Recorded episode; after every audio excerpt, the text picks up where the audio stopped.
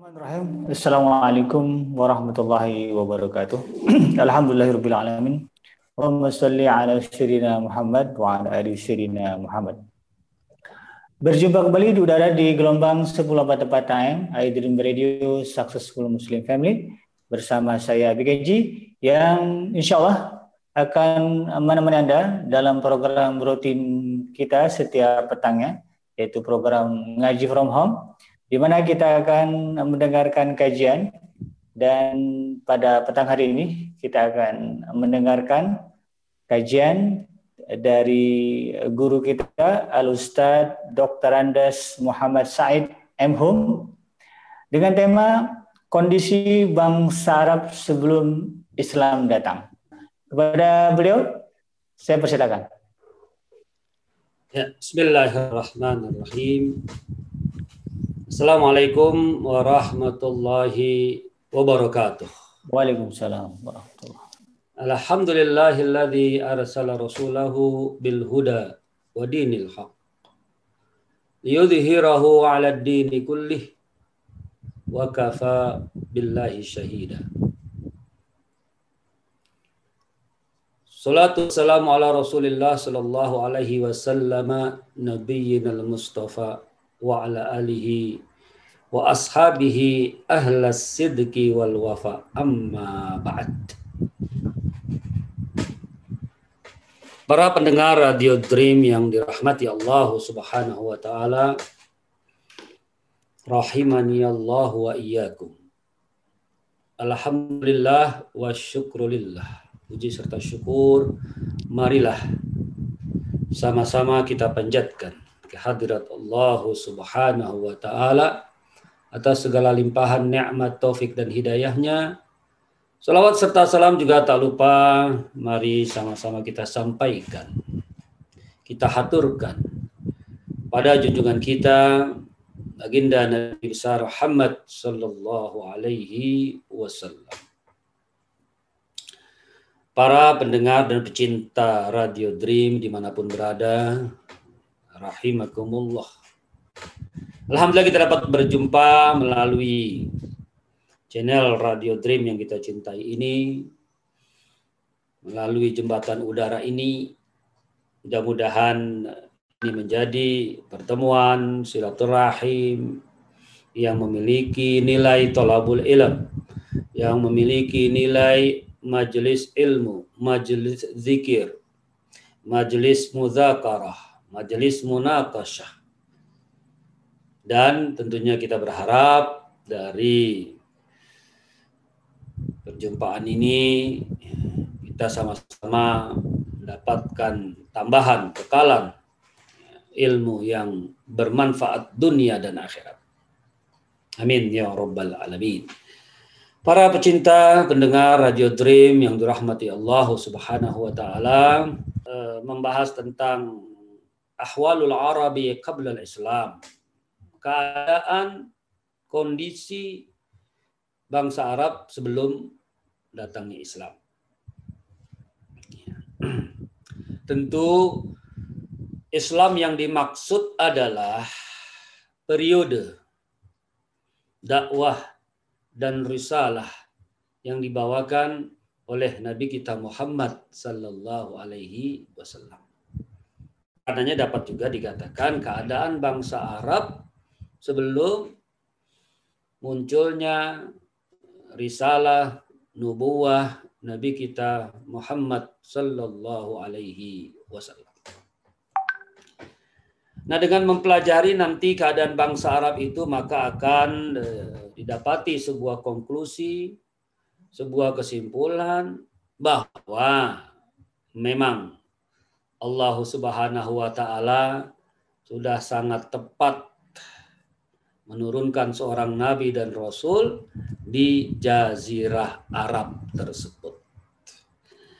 Karena faktor-faktor kondisi yang melatar belakanginya ya, sangat relevan atau sangat cocok mengapa Allah mentakdirkan nabi dan rasul terakhir di jazirah Arab tersebut. Ya. Walaupun segala sesuatunya kembali kepada Allah yang maha berkehendak. Ada satu ayat Al-Quran yang menyatakan firman Allah Subhanahu wa taala, Allahu a'lamu haitsu yaj'alu risalatah. Allah itu lebih tahu sekiranya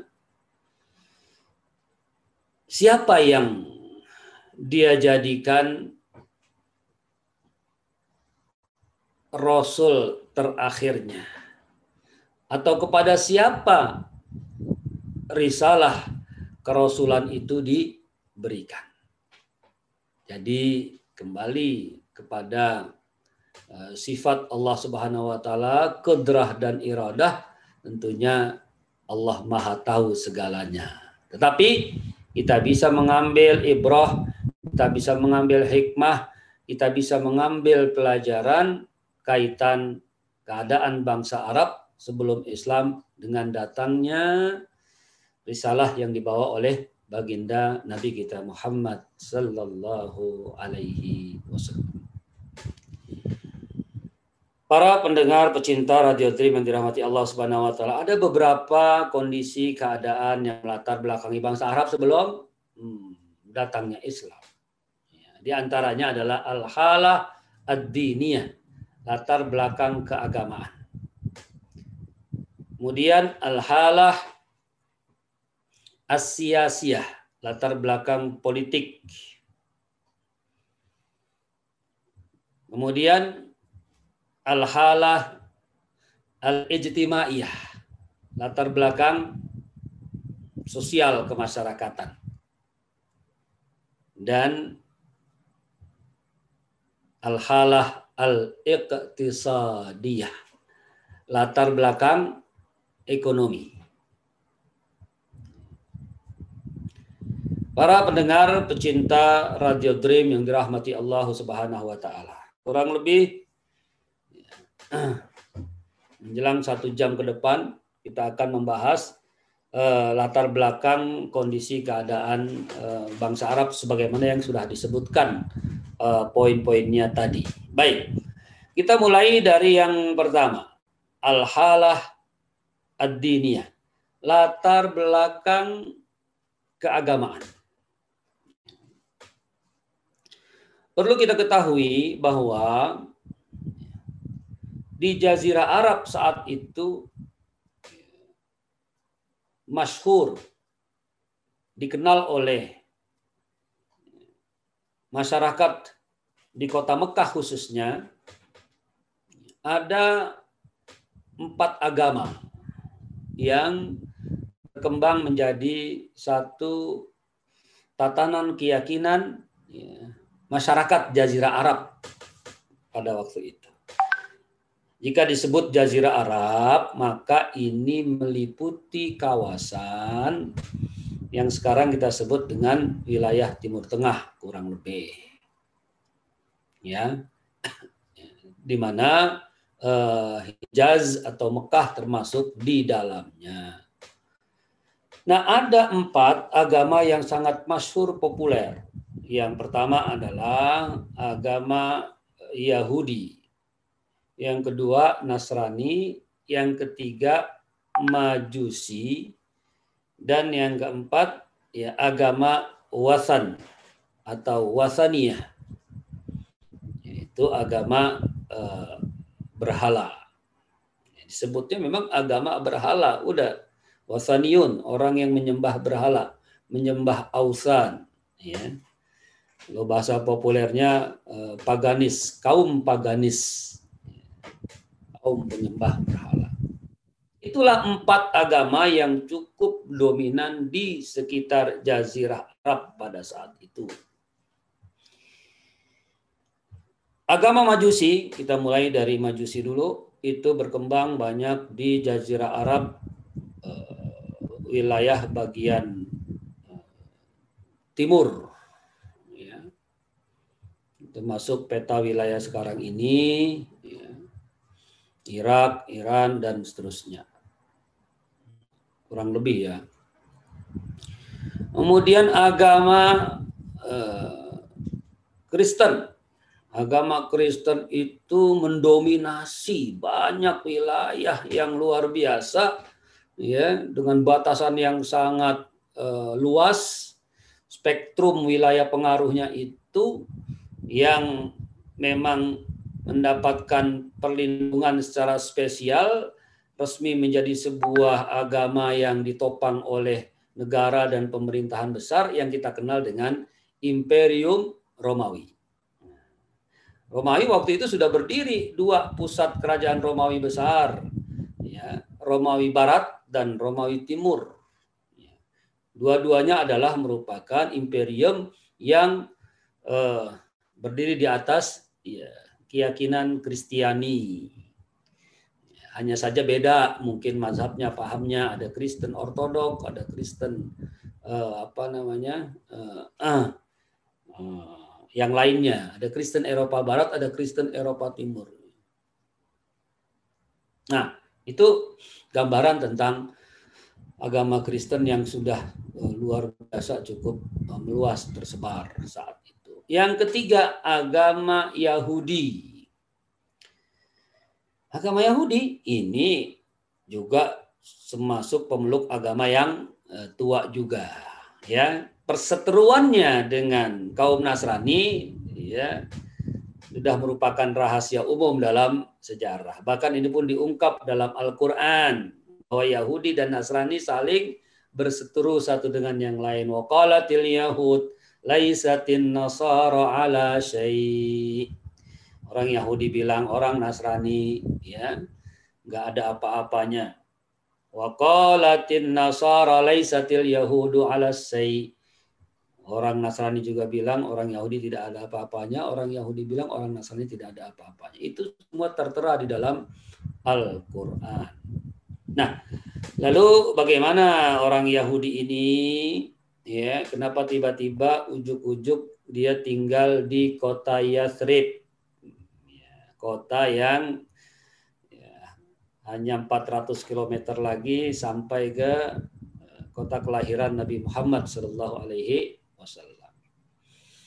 Nah sedikit latar belakang sejarahnya kaum Yahudi ini adalah ya orang yang memang pertama memiliki arogansi yang sangat uh, kuat, kesombongannya, merasa ketinggiannya sebagai ras manusia, ya itu tentu sudah lama juga menjadi the common enemy, musuh bersama di Imperium Romawi. Mereka tidak disenangi, sehingga akhirnya mereka menjadi bangsa yang berdiaspora. Diaspora itu bangsa yang mengembara, menjelajah ke berbagai pelosok negeri. Nah, di antara beberapa entitas mereka itu ya mengembara melakukan perjalanan jauh ke gurun pasir sampailah di Yathrib ya, yang kita kenal dengan ya kota Madinah sekarang ini. Jadi orang Yahudi sampai di situ. Nah, di situlah orang Yahudi dia terus mempelajari kitab sucinya, bahkan tidak jarang pendeta-pendetanya banyak didengar oleh uh, para uh, pendatang ya yang kemudian mampir ke Yasrib akan melakukan perjalanan lagi ke Sam dan seterusnya. Dari situlah mereka banyak berhubungan dengan pendeta-pendeta Yahudi. Ya, jadi sedikit catatan orang Yahudi kenapa sejarah sampai ada di Madinah di Yasrib? Ya karena mereka sebetulnya sudah mendapatkan dalam kitab suci Taurat mereka akan datangnya nabi akhir zaman jadi mereka semakin merasa dekat dengan kawasan titik di mana Nabi akhir zaman akan didatangkan. Baik, jadi eh, sudah tiga agama tadi disampaikan. Nah, agama lokal yang dianut oleh masyarakat kota Mekah adalah Dinul Ausan, agama paganis. Ini tidak ada nama agama formalnya. Dia hanya sebuah kredo, hanya sebuah keyakinan hanya sebuah kepercayaan turun temurun yang diwariskan sedemikian rupa oleh uh, abahum nenek moyang mereka. Ya. Jadi dalam Al-Quran itu sering-sering disebut walau kana abahum la ya'kiluna syai'an wa yahtadun.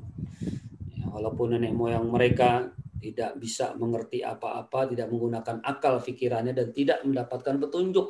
Ya, tapi sudah terlanjur sebagai sebuah warisan kepercayaan. Nah, itulah yang terjadi di kota Mekah. Ya, baik. Uh, jadi status agamanya uh, penduduk masyarakat kota Mekah khususnya adalah para penyembah berhala dan bahkan kota Mekah menjadi ya markaz wasaniyah pusat penyembahan berhala terbesar di jazirah Arab dan dikunjungi oleh banyak para penziarah ya. ada yang datang dari Yaman, ada yang datang dari Irak, ada yang datang dari Syam, ya. dan bahkan ada yang nyebrang dari benua Eh, Afrika. Jadi sudah sangat terkenal kota Mekah itu. Nah, eh, tentang agama berhala ini dari mana bermula? Jadi dalam sejarahnya kalau kita tarik lagi lebih jauh, ya sejarah kota Mekah itu sebenarnya dari titik nol. Ya, nggak ada orang siapa-siapa di Mekah. Lalu Nabi Ibrahim datang bersama ibunda Hajar Ibunda Hajar mengendong putranya Ismail yang masih bayi, sampailah dia di tempat di mana sekarang Ka'bah dan Masjidil Haram berada. Itu tempat bersejarah sekali itu. Jadi dimulai pertama dari hanya tiga orang, Nabi Ibrahim, Ibunda Hajar, dan Ismail. Kemudian Qadar Allah, Allah berikan rizki. Ibunda Hajar setelah ditinggal oleh Ibrahim kembali berdakwah, tinggal berdua di tengah tanah yang uh, gersang, tandus, ya, yang dalam Al-Quran itu Nabi Ibrahim menitipkan kepada Allah, Rabbi inni askantu min dzurriyyati biwadin ghairi dzi zar'in inda baitikal muharram. Ya Tuhanku, aku menitipkan keluargaku Hajar dan Ismail ini di satu lembah yang tidak ada tanaman tetapi tempat ini atas perintahmu itu kelak nanti akan dibangun rumahmu yang dimuliakan dan dihormati. Baitullahil Haram. Itulah sejarah awal Nabi Ibrahim mengisyaratkan tempatnya tidak jauh di tempat dia menitipkan kepada Allah Ibunda Hajar dan Ismail. Nah, tingkatnya kemudian Allah menganugerahkan eh, Hajar dan Ismail yang ikhlas ditinggal kembali. Nabi Ibrahim berdakwah jauh pergi ke satu tempat, keluarlah sumber mata air. Dari hentakan ujung kaki Nabi Ismail alaihissalam. Dan ternyata air itu berlimpah. Berlimpah itu sampai ketika hmm, keluar mata airnya itu meluber ke mana-mana makanya disebut zam-zam. Zam-zam itu dari bahasa Arab kuno, ya. Jadi orang bahasa Arab kuno dulu kalau bilang zam-zam zam-zam itu maksudnya airnya itu supaya kumpul, dia tidak boleh lari ke mana-mana, ya. Sehingga dibuatlah pagar-pagar sumurnya supaya air itu tetap terjaga. Nah, itulah sedikit tentang sejarah zam-zam. Nah walhasil Nabi Ismail lah yang kemudian tumbuh membesar menjadi orang yang dewasa dan diangkat menjadi pemimpin leader pertama di Mekah tersebut. Dan kemudian turun menurun turun menurun terus kepada berapa banyak generasi sampai kepada Nabi kita Muhammad Sallallahu Alaihi Wasallam. Nah, pada awalnya bagaimana bawaan Nabi Ibrahim alaihissalam bahwa penduduk Mekah itu adalah muahidun, orang-orang yang bertauhid, ya. Nah, seiring dengan perjalanan waktu, ya, tiba-tiba ada orang yang iseng. Ada orang yang iseng, ya, seorang tokoh ini di kota Mekah yang sebelumnya di dekat Ka'bah yang dibangun oleh Nabi Ibrahim alaihissalam steril juga nggak ada apa-apa nggak ada tambahan sesembahan apa pun selain daripada Allah Subhanahu wa taala. Ya, ada yang iseng. Setelah melakukan perjalanan ke negeri Syam, di sana melihat ada beberapa kalangan menyembah patung berhala, dilihatnya bagus, dilihatnya indah, dilihatnya uh, cakep. Nah, dibawalah akhirnya patung berhala itu salah satunya ke negeri Mekah. Ya.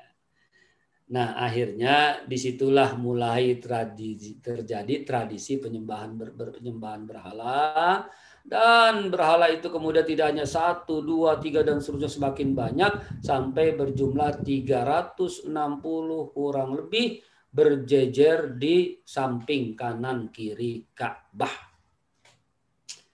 Maka terjadilah ritual peribadatan yang ya, sinkritism Artinya mencampur adukan antara keyakinan Islam dengan keyakinan uh, kemusyrikan warga masyarakat di kota Mekah.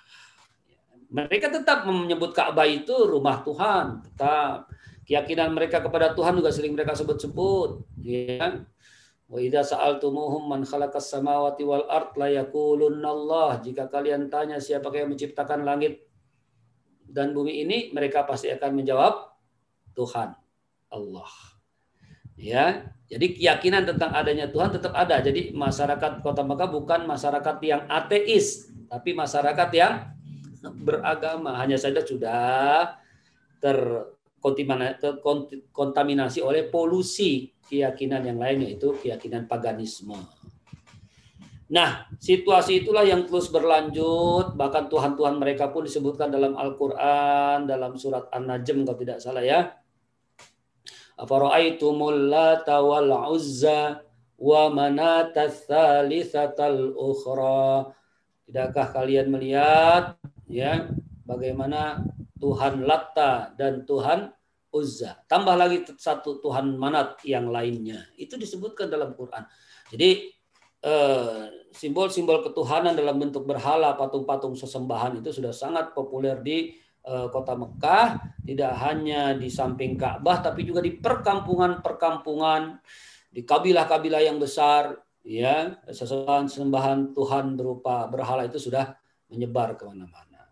Nah, inilah yang kemudian melatar belakangi bangsa Arab pada waktu itu khususnya di uh, uh, kota Mekah ya agamanya adalah agama berhala. Ya, baik. Para pendengar pecinta Radio Dream yang dirahmati Allah Subhanahu wa taala. Ya. Kemudian yang kedua. Yang kedua kita akan membahas tentang al-halah as-siyasiyah latar belakang politik. Latar belakang politik. Nah, seperti apa kita memahami latar belakang politik e, bangsa Arab ini? Ya, sebelum datangi Islam, berarti kita juga lebih spesifik lagi nih. Ya, secara khusus kita bicara tentang latar belakang kehidupan politik di kota Mekah. Ya, yang menjadi sentral kekuatan politik ya eh, bangsa Arab pada waktu itu karena Mekah menjadi pusat penyembahan berhala. Baik, eh, kondisi ya, politik yang ada waktu itu, ya, khusus untuk kota Mekah dan sekitarnya, itu lebih kepada sistem politik kekabilahan yang mereka bangun sedemikian rupa kerjasama antar kabilah. Ya kemudian di dalam kabilah itu ada dinasti-dinasti. Ya, makanya kita kenal ada Bani Hashim ada Bani Umayyah ada Bani Makhzum ada Bani Khuza'ah ada Bani Adi ya, Bani Abdiddar banyaklah semua itu dinasti-dinasti ya keluarga-keluarga besar yang turun temurun uh, tinggal di kota Makkah tersebut. Jadi mereka ini membangun sistem politik kolektif kolegial yang saling menopang di antara mereka, saling sepakat, kompak, kerjasama atas sebuah upaya mempertahankan kehormatan dan uh, eksistensi mereka sebagai sebuah uh, apa namanya bangsa yang mereka Eh, sebut dengan eh, kaum Quraisy. Nah, jadi apa saja itu yang uh, mereka kembangkan ya, pada saat Islam belum datang. Yang pertama adalah kepemimpinan kolektif ya yang disepakati bersama oleh mereka dan ini merupakan salah satu di antaranya adalah warisan eh, dari salah satu keturunan kakek Nabi yang di atas. Yang kalau kita baca silsilah nasab Nabi itu kita akan bertemu dengan eh, satu sebutan nama yaitu eh, nama Kusai. Ya, Kusai ya. Jadi Kusai ini kan kakeknya Nabi. Tapi yang udah eh, sekian ke atas ya itu ternyata orang yang memang sedikit banyak punya uh, apa wawasan uh, politik yang cukup tajam juga. Maka sejak di zaman kakek Nabi yang bernama Kusai inilah di Mekah itu didirikan apa yang disebut dengan Darun Nadwah. Jadi Darun Nadwah itu kalau dalam konteks sekarang ini ya sebetulnya boleh disebut kantor pemerintahan. Ya. di mana dilakukan musyawarah, dilakukan perundingan, dilakukan pembahasan masalah-masalah yang penting terhadap kebijakan-kebijakan uh, yang harus mereka keluarkan sebagai pembesar-pembesar di kota Mekah. Itu Darun Nadwa.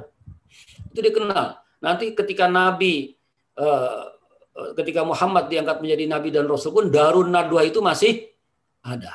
Jadi cukup lama juga berjalannya. Nah, di dalam Darun Nadwa inilah kemudian ya disepakati di kalangan mereka tentang apa yang disebut dengan uh, distribusi kekuasaan. Ya. Jadi ada hmm, tauzi al-wilayah, pembagian otoritas kekuasaan atas amanah-amanah yang harus dijalankan ya oleh masing-masing anggota dari kabilah Quraisy tersebut. Ya. Nah, satu contoh misalnya. Ketika mendekati zaman eh, diutusnya risalah Nabi Shallallahu alaihi wasallam ya itu struktur eh, politik di kota Mekah sudah lama terbangun. Misalnya pembagian kekuasaan untuk urusan militer peperangan itu diberikan kepada Bani Umayyah. Di Bani Umayyah ini di antaranya adalah Utsman bin Affan radhiyallahu an termasuk dari kalangan Bani Umayyah. Ini kalangan-kalangan eh, apa namanya pejuang militer kebanyakan, termasuk Abu Sufyan juga dari kalangan Bani Umayyah dan nanti ke bawahnya Muawiyah dan seterusnya adalah kalangan Bani Umayyah. Ya. Nah kemudian eh, yang ada lagi diberikan eh, kewenangan untuk memegang panji panji eh, apa namanya hmm, dalam peperangan. Panji-panji atau disebut dengan sohibul liwa, pemegang bendera. Siapakah pemegang bendera ini? Ya, amanahnya diserahkan kepada namanya Bani Abdiddar. Ya, kita agak agak agak detail nih ya, ya untuk menghafal hal-hal ini semua supaya lebih jelas ya. Penggambaran latar belakang politik eh, bangsa Arab waktu itu. Bani Abdiddar ya ya di antaranya kita kenal kemudian nanti tokohnya adalah Mus'ab bin Umair ya disebut di belakangnya Al Abdari dari Bani Abdiddar. Nah, ini orang-orang tangguh juga, orang-orang lapangan, orang-orang pemberani semua.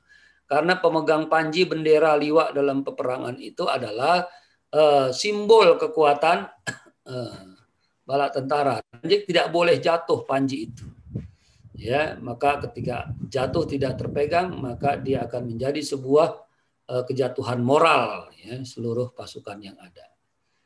Kemudian urusan diplomasi diserahkan kepada Bani Adi.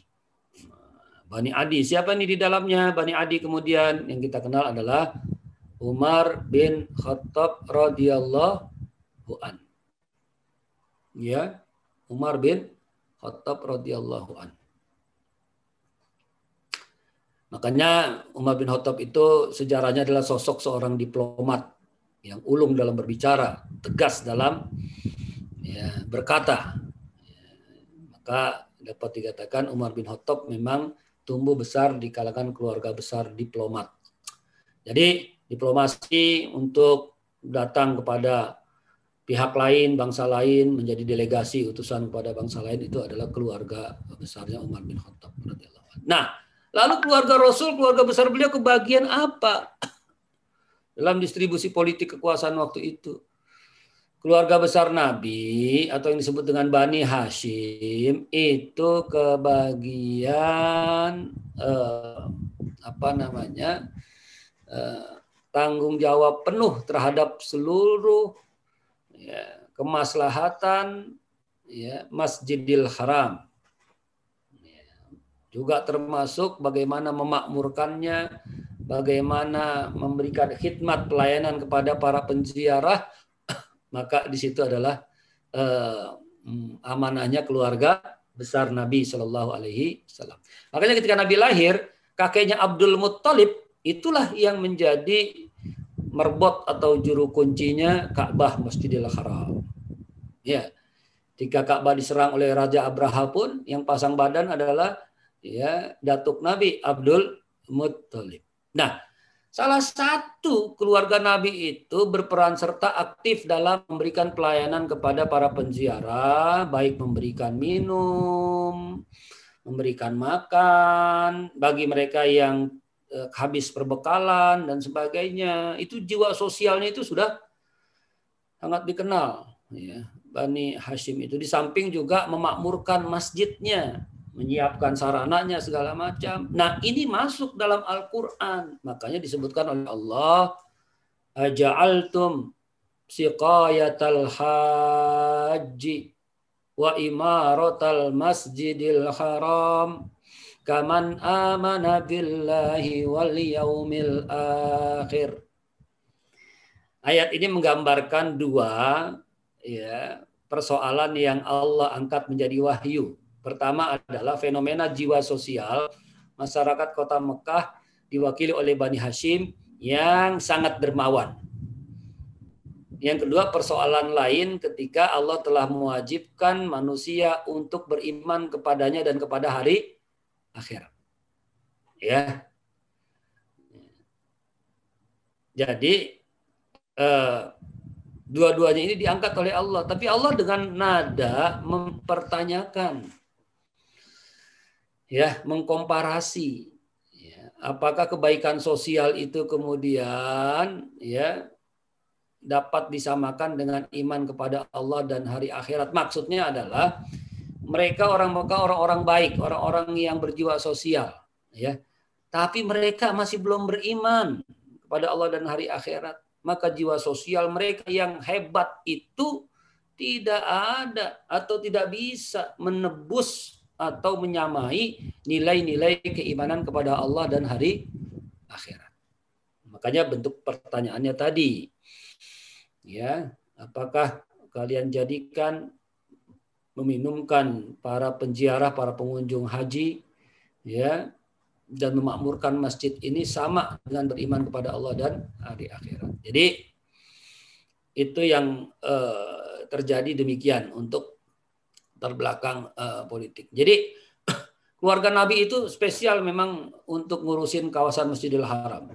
Termasuk misalnya uh, mengganti kiswah Ka'bah itu termasuk ya amanat tugas daripada keluarga uh, Nabi Muhammad Sallallahu Alaihi Wasallam. Jadi para pecinta pendengar Radio Dream yang dirahmati Allah Subhanahu wa taala kembali kepada keadaan politik. Ya, politik pemerintahan mereka kecil kecil, dia hanya cakupan kawasan yang mereka bisa kontrol saja, ya. Dan lebih kepada pusat penyembahan berhala saja, dan itu pun di Mekah yang paling besar. Kalau dibandingkan dengan adanya Imperium Persia, Imperium Romawi, mereka itu nggak ada apa-apanya. Ya, bahkan mereka memandang uh, orang-orang Romawi itu sebagai orang-orang yang sangat uh, besar yang sangat perkasa dan nggak bisa ditembus kira-kira begitu. Jadi mereka uh, menyadari ya, mereka secara kekuatan politik sangatlah kecil. Karena itu masyarakat Mekah dia tetap sangat uh, takjub, sangat takzim kepada apa saja yang mereka sebutkan uh, apa namanya waktu itu sudah disebut juga tentang ahlul kitab. Ya, mereka yang uh, bisa membuka kitab Injil, kitab Taurat, nah, mereka disebut para rahib dan orang-orang uh, Arab sangat uh, appreciate kagum dengan mereka sehingga perjalanan dari Mekah ke negeri Sam untuk berniaga itu sering kali disempatkan oleh mereka untuk mampir mendengarkan apa yang disampaikan oleh para rahib ya para ahlul kitab di uh, Sam. Baik, jadi uh, para pecinta pendengar radio Dream uh, hubungan antara uh, kekuatan politik lokal di Mekah dengan Imperium Romawi Persia itu sebetulnya ketika zaman Nabi nanti para sahabat itu pun mengamati situasi perkembangan antara Romawi dan Persia. Jadi suatu ketika ketika para sahabat mendengar bahwa Persia berhasil mengalahkan Romawi, maka para sahabat pun merasa bersedih. Ya, kenapa para sahabat bersedih? Karena para sahabat sebetulnya masih punya harapan besar kepada Romawi karena mereka betapapun adalah ahlul kutub as-samawiyah. Jadi sebetulnya orang yang orang-orang yang sudah memiliki kitab-kitab suci dari langit, terlepas dari itu kemudian uh, dirubah oleh mereka sendiri, tapi mereka dikenal ahlul kitab. Adapun uh, Persia itu tidak punya sejarah dengan uh, kitab samawi. Jadi dalam uh, timbangan dakwahnya akan lebih susah ya menyampaikan dakwah risalah kepada orang-orang Persia ketimbang kepada orang-orang Romawi. Makanya para sahabat bersedih mendengar Romawi pernah suatu ketika dikalahkan oleh Persia di satu wilayah, di satu tempat ya. Dan itulah yang kemudian akhirnya Allah menurunkan wahyunya kepada Nabi Muhammad SAW memberikan jawaban atas kegundahan para sahabat itu. Maka kita dapatlah ada ayat dalam surat Ar-Rum ayat 1. Gulibatir rum fi adnal ardi wahum min ba'di golabihim sayaglibun. Telah dikalahkan Romawi di satu dataran rendah. Nah, tetapi mereka setelah mengalami kekalahan mereka, mereka kembali akan menang.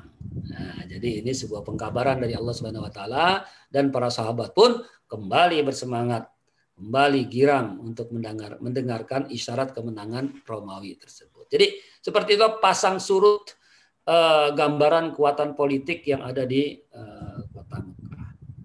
Ya. Baik, uh, sedikit saja menyinggung tentang uh, kekuatan politik pada waktu itu. Kalau bicara tentang Romawi itu sudah hampir dua abad lebih. Ini baru bicara Romawi Timur ya. Karena kota Konstantinopel yang didirikan oleh Kaisar Konstantin itu kurang lebih di tahun 350 Masehi. 350-an.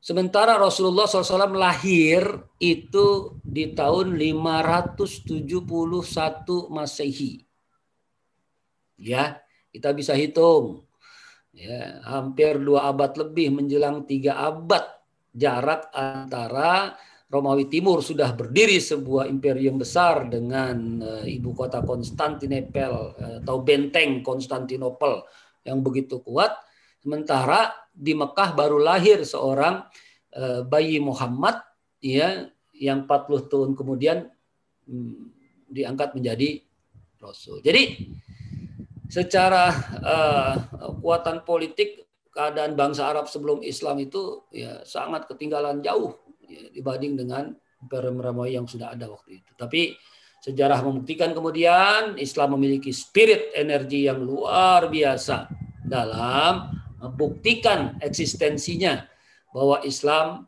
ya itu dapat unggul dan dapat bisa menang di atas yang lain.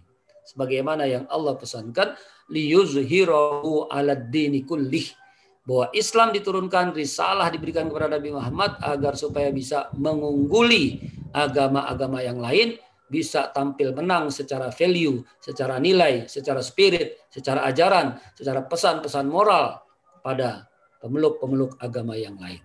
Jadi seperti itu yang uh, kita pahami. Baik, dikit lagi yang ketiga sekarang al-hala al-ijtimaiyah, keadaan sosial kemasyarakatan. Masyarakat Ya, bangsa Arab sebelum Islam secara umum dikatakan sebagai uh, masyarakat jahiliyah. Masyarakat jahiliyah bukan berarti masyarakat yang bodoh, tunawisma, tuna aksara, dan berbagai penyandang tuna-tuna lainnya. Tidak. Mereka disebut jahiliyah karena kebodohan mereka terhadap masalah keyakinan saja. Kebodohan terhadap masalah keimanan. Kebodohan terhadap eh, apa namanya pola jalinan hubungan kepada Tuhan yang salah. Salah praktek. Ya salah terapan, ya, salah menata keyakinan. Itulah kejahiliahan yang eh, sesungguhnya dimaknai pada bangsa Arab. Ya, jadi bukan berarti eh, bodoh tidak memiliki intelektualitas, tidak memiliki apa eh, ketajaman berpikir. Tidak, mereka memiliki pengetahuan-pengetahuan lokal yang sudah sangat luar biasa Ya, tentang ilmu astronomi saja perbintangan itu mereka bagaimana bisa jalan bermil-mil jauhnya di tengah padang pasir tapi tidak tersesat karena mereka sudah bisa membaca juga ya arah petunjuk langit tentang bagaimana mengarungi perjalanan di uh, padang pasir. Maksudnya memahami bintang-bintang yang bertebaran di atas langit sebagai petunjuk arah mereka, sebagai kompas mereka melakukan sebuah perjalanan.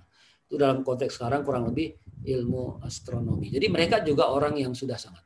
Belum lagi di bidang eh, apa namanya bahasa sastra banyak pujangga-pujangga banyak penyair-penyair itu menunjukkan mereka sebetulnya tidak semuanya eh, dalam pengertian eh, bodoh bahkan mereka bisa bertahan di gurun Sahara ya membangun kehidupan perekonomian mereka luar biasa dengan jiwa dagang jiwa niaga yang luar biasa itu pun juga menunjukkan mereka jahiliyah dalam pengertian keyakinan Ya, kemudian juga jahiliyah dalam pengertian moralitas, akhlak. Karena tidak ada tuntunan Islam, mereka seenaknya menata kehidupan sosial e, mereka sendiri. Jadi peranata kehidupan masyarakat itu mereka bangun berdasarkan asumsi-asumsi saja. Dan sudah barang tentu didominasi dan dipengaruhi oleh hawa nafsu mereka sendiri. Ya, jadi Salah satu contoh saja ya, hubungan sosial sampai kepada lembaga perkawinan. Jadi waktu itu di uh, kota Mekah dan sekitarnya, ya uh, perkawinan antara dua orang laki-laki wanita sesuatu yang lumrah, tapi prakteknya memang bisa bermacam-macam. Dan salah satu yang paling selamat, yang paling bersih, yang tidak terkontaminasi oleh kejahiliahan adalah apa yang disebut dengan an nikah. Jadi nikah dalam pengertian ya, nikah yang kemudian ketika Islam datang nanti ya dengan syariatnya benar-benar sesuai seperti apa yang disyariatkan oleh Islam. Ya, ada khidbah, ada akdun nikah, ada dihadirkan kedua belah mempelai, ya, dan setelah itu pernikahan dilangsungkan. Termasuk pernikahan Abdullah dan Ibunda Aminah itu juga termasuk praktek pernikahan yang kemudian diajarkan di dalam Islam. Gitu. Jadi waktu itu ada disebut dengan an-nikah, ada as-sifah. Ya. Ahallallahu nikah wa harrama sifah. Allah menghalalkan pernikahan dan mengharamkan uh, pergaulan bebas. As-sifah itu pergaulan bebas. Nah, itulah dimensi sosial salah satunya di tengah masyarakat sebelum datangnya Islam itu adalah Eh, boboknya moralitas mereka dalam pergaulan bebas mereka. Sehingga macam-macam polanya itu di Mekah itu ya ada yang pergaulan bebas, ada yang uh, orang tua mendagangkan anaknya menjadi mucikari, menjadi uh, trafficking buat anaknya. Sehingga dalam surat An-Nur itu ada larangan agar orang tua tidak menjadikan anak-anak mereka sebagai ya pekerja seks ya itu ada di dalam surat An-Nur karena memang fenomenanya dulu terjadi hal seperti itu ya Jadi orang perempuan ya di apa namanya nikahi oleh banyak orang laki-laki kemudian ketika lahir anaknya maka eh, yang menentukan adalah ya, orang pintar di kalangan mereka kepada siapa anak ini kemudian dinasabkan. Itu sampai begitu. Jadi itu sudah sangat dikenal. Termasuk juga yang disebut dengan apa namanya hmm, uh, bugot ya, bu, bukan bugot ya, apa namanya uh, pelacuran itu ya al ya itu sudah sangat lumrah sehingga ketika Ka'bah pernah direnovasi oleh salah seorang uh, tokoh Quraisy membuat uh, ketentuan siapa saja boleh menyumbang Ka'bah ini untuk direnovasi, dibangun kembali, diperbaiki. Ya, satu-satunya yang ditolak adalah di antara yang ditolak adalah ya kalau dana itu berasal dari sumber-sumber pelacuran. Jadi waktu itu orang Quraisy masih waras juga. Jadi kalau dari sumber pelacuran mereka kagak mau terima untuk membangun uh, dan merenovasi Ka'bah tersebut. Ini juga semacam satu uh, apa namanya kuasa Allah melindungi rumahnya sehingga tidak ya tersentuh oleh eh, eh, dana-dana uh, uh, yang haram saat itu. Baik. Yang terakhir sekarang al-halah al-iqtisadiyah. Latar belakang keadaan ekonomi bangsa Arab itu Masya Allah. Bangsa Arab itu orang yang nomaden. Ya. Sejarahnya pada masa lalu ya. Bangsa Arab orang yang dikenal gigih memang berjuang di satu kawasan yang Eh, sesuai dengan kondisinya. Ya. Kalau Allah kasih dia lahan subur pertanian, maka dia akan menjadi seorang petani yang sukses, berhasil melakukan budidaya cocok tanam yang terus berkembang sampai sekarang. Termasuk contohnya dia Srip. Ya, di Madinah perkebunan-perkebunan kurma terus masih berjalan karena masyarakat agraris dari dulu. Nah, sedangkan masyarakat kota Mekah ini bukan masyarakat agraris, perkebunan tidak ada, tanahnya tandus, kering. Maka andalan satu-satunya yang mereka bisa lakukan adalah melakukan uh, bisnis trading. Jadi bisnis uh, apa namanya jual beli barang. Sehingga kota Mekah uh, sebelum datang Islam adalah kota yang uh, memiliki karakter trading society, masyarakat pedagang, masyarakat niagawan, ya. Sehingga lahirlah saudagar-saudagar ulung di Mekah. Dan Eh, kegiatan perekonomian kota Mekah ini kemudian diabadikan di dalam Al-Quran surat uh, Quraisy. Di ila Quraisy ila fihim rihlatas syita'i wasaif ya demi iring-iringan kapilah dagang Quraisy. Jadi kafilah dagang yang begitu banyak itu menandakan roda perekonomian kota Mekah terus berjalan itu diabadikan dalam Quran. Nyata mereka orang-orang yang unggul di bidang perekonomian, bukan orang-orang yang bodoh tidak bisa menghitung, tidak bisa berbisnis, tidak. Mereka adalah pebisnis-pebisnis ulung. Ya. Bahkan iring-iringan kapilah dagang mereka itu ya secara apa namanya rutin ya melakukan perjalanan jauh pada dua musim. Baik itu jatuh di musim panas maupun itu jatuh di musim dingin. Rihlatas syita'i wassaif. Begitu Al-Quran mengabadikan. Memberikan penekanan bahwa betapa perekonomian mereka itu sesuatu yang sangat luar biasa. Jadi mereka karena masyarakat pedagang, yang mereka lakukan semuanya adalah mengolah semua yang ada lalu didagangkan dan untungnya lah yang mereka nikmati. Mereka bukan masyarakat produksi atau produsen, bukan. Jadi misalnya begini, mereka melakukan perjalanan ke Yaman, lalu di Yaman mereka beli apa namanya berbagai macam barang-barang. Makanya salah satu sorban kesayangan Nabi itu berwarna hijau dan itu di, di, di, disebut oleh orang Mekah itu dikenal dengan burdah Yamaniyah jadi semacam apa uh, sorban yang uh, uh, made in Yaman, produk Yaman.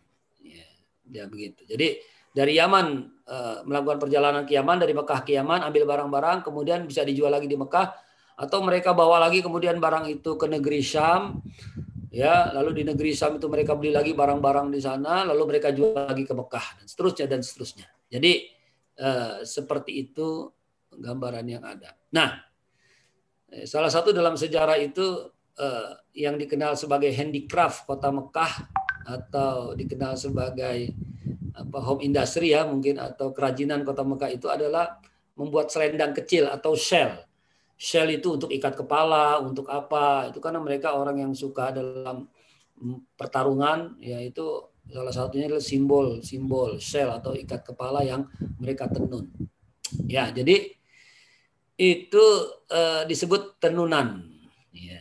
Jadi itulah yang dikenal di masyarakat kota Mekah. Mungkin banyak kaum wanitanya uh, mengisi waktu untuk menenun tenunan kain, kain kecil saja bukan yang besar.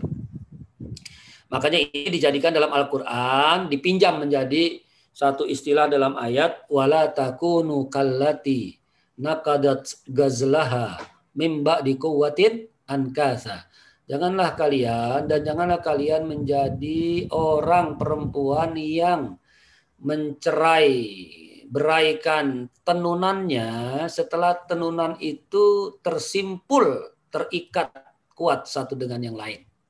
Itu dijadikan apa namanya kalau dalam balago itu disebut dengan majaz isti'arah.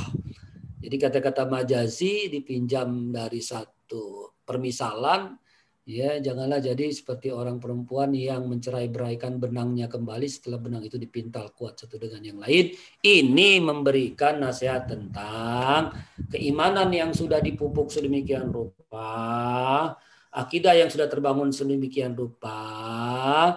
Jangan dipretelin lagi satu-satu dikit-dikit ikatannya ya sehingga akhirnya terjerumus kepada kemusyrikan dan sebagainya. Itu kira-kira tapi itu memberikan gambaran tentang uh, sektor perekonomian sebelum datang Islam. Jadi ketika Islam datang pun Islam tidak menghapus semangat perekonomiannya. Makanya surat Quraisy itu ada pesan di ayat selanjutnya, "Fal ya'budu rabb hadzal bait alladzi atamahum min ju'in wa amanahum min khauf." Ya, jadi uh, itulah kurang lebih empat latar belakang keagamaan, latar belakang politik, latar belakang tadi sosial kemasyarakatan termasuk juga moralitas dan akhlaknya. Dan yang keempat adalah latar belakang ekonomi ya.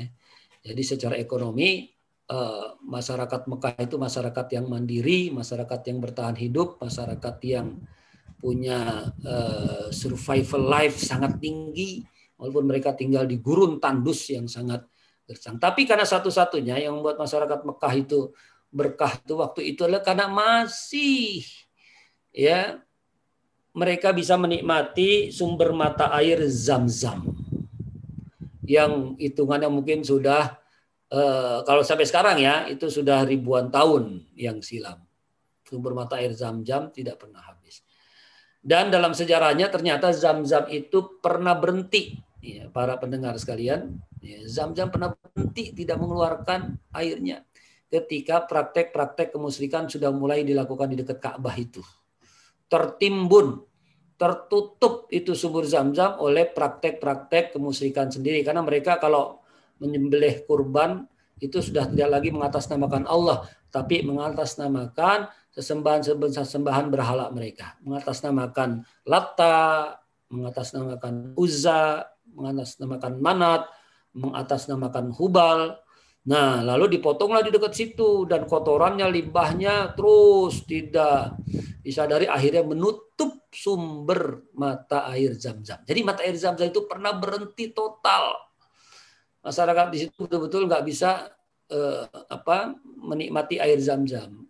Lalu kapan zam-zam ini mulai muncul kembali? Nah, ini dalam catatan Ibnu Hisam yaitu justru air zam-zam muncul kembali pada saat menjelang kelahiran Nabi Muhammad Shallallahu Alaihi Wasallam. Di mana kakeknya Abdul Muthalib ketika sedang mencangkul-cangkul daerah tersebut, tiba-tiba kemudian uh, terkenalah satu titik yang menjadi uh, apa namanya sumber mata air zam-zam dalamnya dan keluarlah mata air itu kembali begitu sehingga zam-zam dihadirkan lagi oleh Allah karena uh, menyambut datangnya lahirnya Nabi Muhammad Shallallahu Alaihi Wasallam.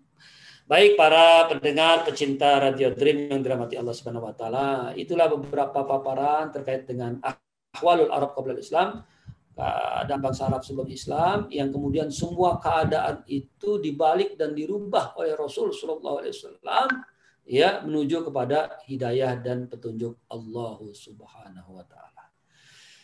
Wallahu alam bisawab. Sampai di sini dulu pemaparannya. Insya Allah kita lanjut dengan dialog dan tanya jawab. Ya. Silakan saya kembalikan kepada bawa acara.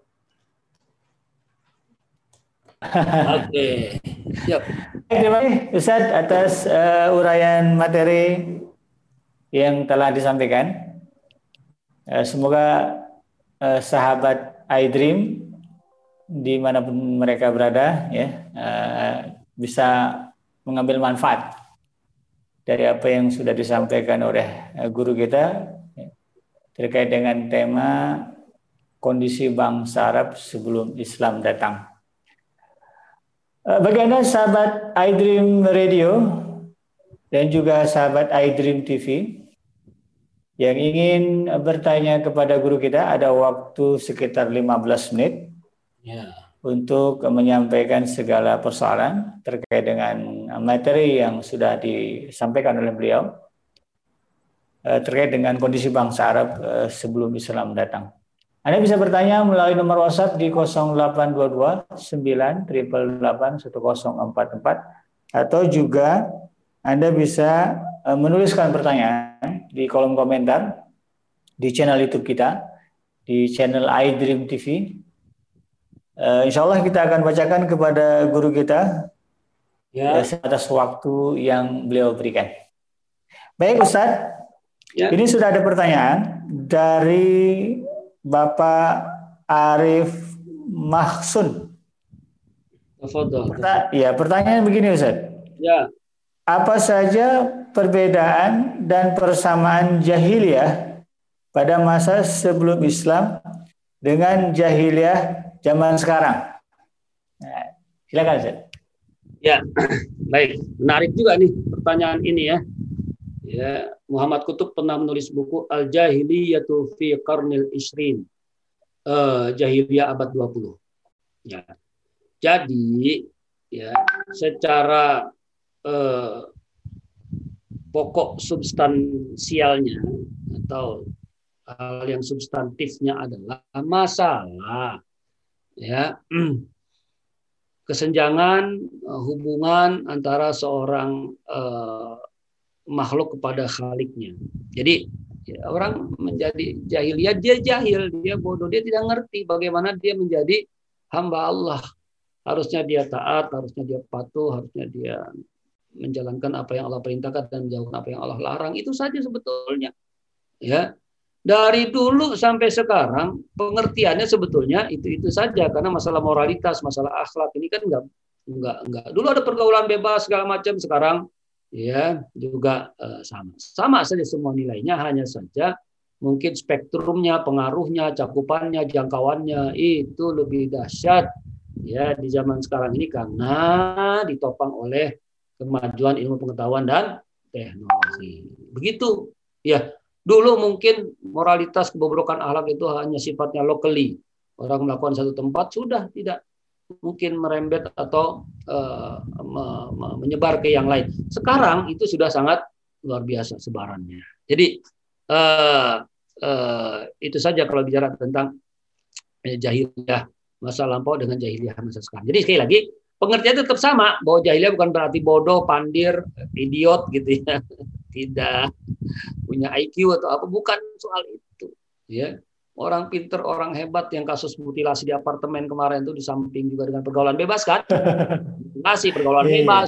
Itu dikenal sebagai mahasiswi yang cerdas itu di kampusnya. Cerdas, cerdas yeah. aktivis, ya mungkin IPK-nya juga tinggi sekali dan sebagainya. Tapi ya bukan itu. Uh, apa namanya? Uh, persoalannya. Dia karena ya kejahiliahan dalam dirinya karena tidak memahami bagaimana uh, ketaatan kepada Allah Subhanahu wa taala. Allah alam Baik Ustaz. Ya mudah-mudahan ini bisa dipahami oleh penanya kita Bapak Arif Mahsun di Lampung Selatan katanya Ustaz. Oh, Masya Allah. Jauh sekali itu. Dia menyimak. Ya. Baik Ustaz, pertanyaan berikutnya dari hamba Allah di nomor WhatsApp. Ustadz mohon penjelasan terkait dengan budaya ilmu sebelum uh, Islam datang. Karena kita mengetahui bahwa Rasulullah adalah orang yang disebut umi, tidak bisa membaca. Apakah itu juga merupakan bagian dari budaya bangsa Arab yang mungkin ilmu pengetahuan ketika itu belum berkembang sehingga banyak orang yang buta huruf, termasuklah Rasulullah Shallallahu Alaihi Wasallam. Silakan, saya. Ya, bangsa Arab dikenal mobil khusus di kota Mekah itu kalangan ummi, la ya'riful qiraah walal kitabah. Tidak tahu bagaimana membaca apalagi menulis. Ya, itu hampir dominan masyarakat Arab pada waktu itu, mobil khusus di Mekah. Karenanya ya yang mereka bangun adalah tradisi lisan. Hmm. Tradisi lisan itulah yang mereka gunakan untuk menyampaikan message, pesan, berantai dari mulut ke mulut, dari ini ke ini itu sangat kuat mereka. Ya, sehingga Allah berikan mereka memang hafalan yang begitu uh, hebat daya ingatnya. Ya. Ya, Lalu kemudian muncul para syuara, para pujangga, para penyair, ya. Itu pun juga ya mereka karena biasa bermain e, narasi bahasa begitu. Dan sangat sedikit sekali memang yang betul-betul bisa memahami uh, tulisan atau bisa membaca, bisa menulis. Termasuk Nabi kita Muhammad SAW itu betul-betul kalau dikatakan ummi memang betul-betul ummi sama sebagaimana anggota masyarakat yang lain. Ya, Nabi juga tidak membaca, Nabi juga tidak menulis. Ya, makanya ketika disuruh oleh malaikat Jibril, "Iqra ya Muhammad, ma ana biqari'in. Iqra ya Muhammad, ma ana biqari'in. Iqra ya Muhammad, ma ana biqari'in." Tiga kali Rasul jawab jujur apa adanya bahwa beliau tidak bisa membaca. Gitu. Nah, ternyata hikmah di balik semua ini Nabi Allah takdirkan juga ummi untuk justru memberikan penguatan dalil, kekuatan argumen, jawaban yang eh, apa namanya ya, pamungkas terhadap siapa pun yang meragukan kalau seolah-olah Quran ini bikinan dan buatan Nabi. Kalau saja Nabi Muhammad dulu dikenal sebagai pujangga, penyair, pintar nulis, pintar baca, ya jadi bahwa wahyu yang diturunkan langsung dituduhkan bahwa itu bikinan Muhammad. Tapi karena Nabi Umi, yang turun bahasanya sangat indah, sangat beda dengan yang lain. Itu sebuah jawaban sebetulnya bahwa itu benar-benar datang dari Allah, bukan dari pribadi Muhammad. Nah, hanya saja para ulama kemudian memastikan bahwa setelah Nabi Muhammad diangkat menjadi nabi dan rasul mendapat wahyu, maka dengan izin Allah istilahnya eh, turunan ilmu yang Allah berikan ilmu Allah ini kepada nabi itu langsung seiring Nabi mendapat wahyu, Nabi sudah mulai lepas dari statusnya sebagai orang yang ummi buta huruf. Ya, jadi perlu dipahami nih. Jadi setelah mendapat wahyu, mendapat risalah, Nabi automatically Allah ajarkan juga sekaligus ilmu tentang membaca tadi. Jadi ya Nabi kemudian setelah itu bisa membaca, bisa. Ya, setelah diturunkan wahyu oleh Allah.